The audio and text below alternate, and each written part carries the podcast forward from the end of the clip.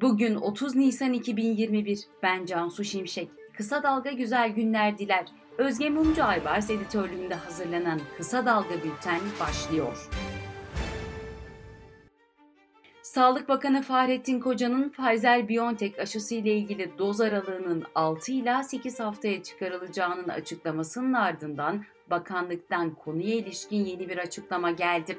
Buna göre isteyenler ikinci doz aşıyı olabilecek. Erciyes Üniversitesi Tıp Fakültesi Farmakoloji Anabilim Dalı öğretim üyesi Doktor Ahmet İnal, tam kapanma öncesi büyük şehirlerden tatil beldelerine ve köylere yoğun göç yaşandığını belirterek bu çok tehlikeli bir durum. Vakaların diğer illere yayılmasını göreceğiz. Bu 17 gün sonunda vaka sayılarını istediğimiz kadar düşürmeyebilir dedi. Tam kapanma öncesi binlerce kişinin akın ettiği Bodrum'da endişe hakim. Bodrum Belediye Başkanı Ahmet Aras, hazırlıkları yapmadan birdenbire kaosla karşılaştık. En büyük korkumuz gelenlerin bize bulaşı taşıması ve artırması diye konuştu. İçişleri Bakanı Süleyman Soylu gri pasaportla insan kaçakçılığı konusunda belediyelerden grup halinde yani bir organizasyonla yurt dışına çıkan illa ki bunlar gidip de kalanlar değil toplamda 2872 kişi pasaport süresi bitip dönmeyenlerse 804 kişi bilgisini paylaştı.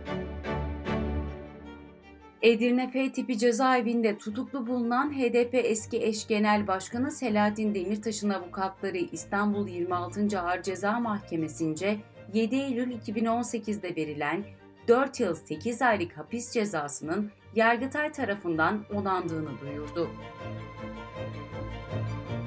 Ankara'da DİSKES, TMOP, Tabip Odası ve Ankara Serbest Muhasebeci ve Mali Müşavirler Odası ve siyasi parti temsilcilerinin Sakarya Caddesi'nde yapmak istediği basın açıklamasını engelleyen polis gruba biber gazıyla müdahale etti. Polislerin tekel bayilerine içki satışı yapmayacaklarına dair imzalattığı bir belge sosyal medyada paylaşıldı. Belgede Cumhurbaşkanı Erdoğan'ın sokağa çıkmaya yasağı açıklamasından söz edilerek alkol satışının yasak olduğu yazıldı. Türkiye Tekel Bayiler Platformu Başkanı Özgür Aybaş, tebliğin yasal bir dayanağı olmadığını belirterek bayilere imzalamayın çağrısında bulundu.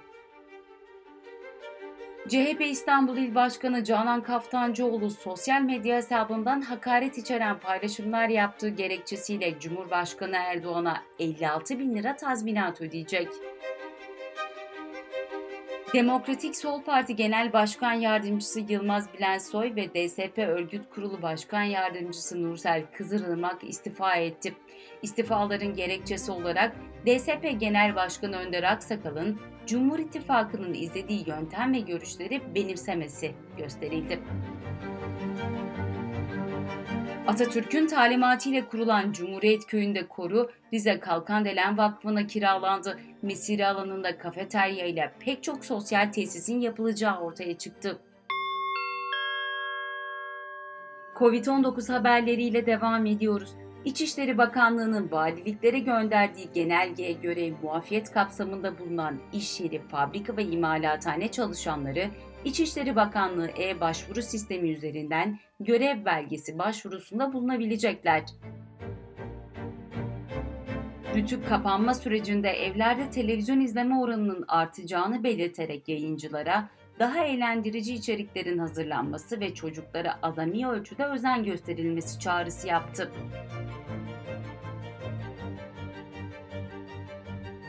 Aile ve Sosyal Hizmetler Bakanı Yanık tam kapanma döneminde sadece kısıtlamalardan muaf olan ailelerin çocukları için kreşlerin açık olacağını duyurdu.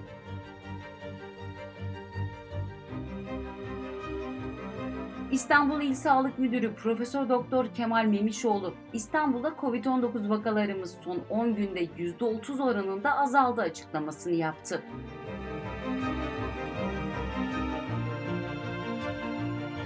BioNTech firmasının kurucusu Profesör Doktor Uğur Şahin, %100'e yakın bir koruma sağlayabilmek için 3. doz aşıya ihtiyaç olacağını belirterek büyük ihtimalle her yıl ya da 18 ayda bir aşı olması gerekecek dedi. Dünya genelinde yeni tip koronavirüs vaka sayısı 150 milyonu geçti. Amerika Birleşik Devletleri 32 milyon 954 bin vakayla en fazla vakanın bulunduğu ülke konumunda. Hindistan'da Covid-19 salgınında yine rekor seviyelerde yeni vaka ve ölüm raporlandı. Ülkede park ve otoparklar krematoryuma dönüştürülüyor. Sırada ekonomi haberleri var. Merkez Bankası Başkanı Şahap Kavcıoğlu yılın ikinci enflasyon raporunu açıkladı. Kavcıoğlu 2021 enflasyon tahminini %12.2 olarak duyurdu. Tam kapanma kararında hükümetin esnafa destek paketi açıklamamasına tepkiler devam ediyor. Gelecek Partisi Genel Başkan Yardımcısı Tuncay Dinç, her aileye 2736 lira olmak üzere acilen yardım ulaştırmasını öneriyoruz dedi.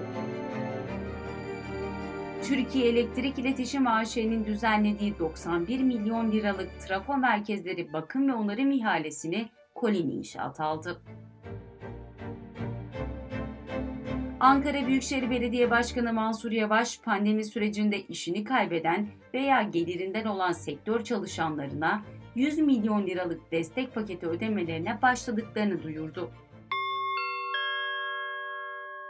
Dış politika ve dünyadan gelişmelerle devam ediyoruz.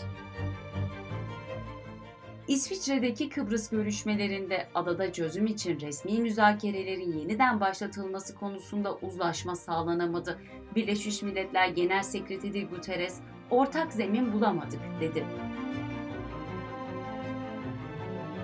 Türkiye'den gri pasaportla insan kaçakçılığı yapıldığı iddiaları ile ilgili Almanya'da Ocak ayından beri 30 kişi hakkında soruşturma yürütüldüğü ortaya çıktı. Amerika Birleşik Devletleri'nin Kaliforniya eyaletinde polisin gözaltına almak için ters kelepçeyle yüzüstü yere yatırdığı 26 yaşındaki Mario Arenales Gonzalez öldü. Gonzalez'in kardeşi Gerardo Gonzalez de polis kardeşimi George Floyd'u öldürdükleri gibi öldürdü dedi. Bültenimizi kısa dalgadan bir öneriyle bitiriyoruz. Tam kapanmada kısa dalga yanınızda. İster okuyun, ister izleyin, ister dinleyin. Araştırma dosyaları, söyleşiler, özel haberlerimizle ve kısa dalga bültenle her gün sizlerleyiz. Podcastlerimiz ve videolarımıza kısa dalga.net internet adresimizden, YouTube kanalımızdan, Spotify, Apple, Spreaker, YouTube, Google Podcast platformlarından ulaşabilirsiniz. Gözünüz kulağınız bizde olsun. Kısa Dalga Medya.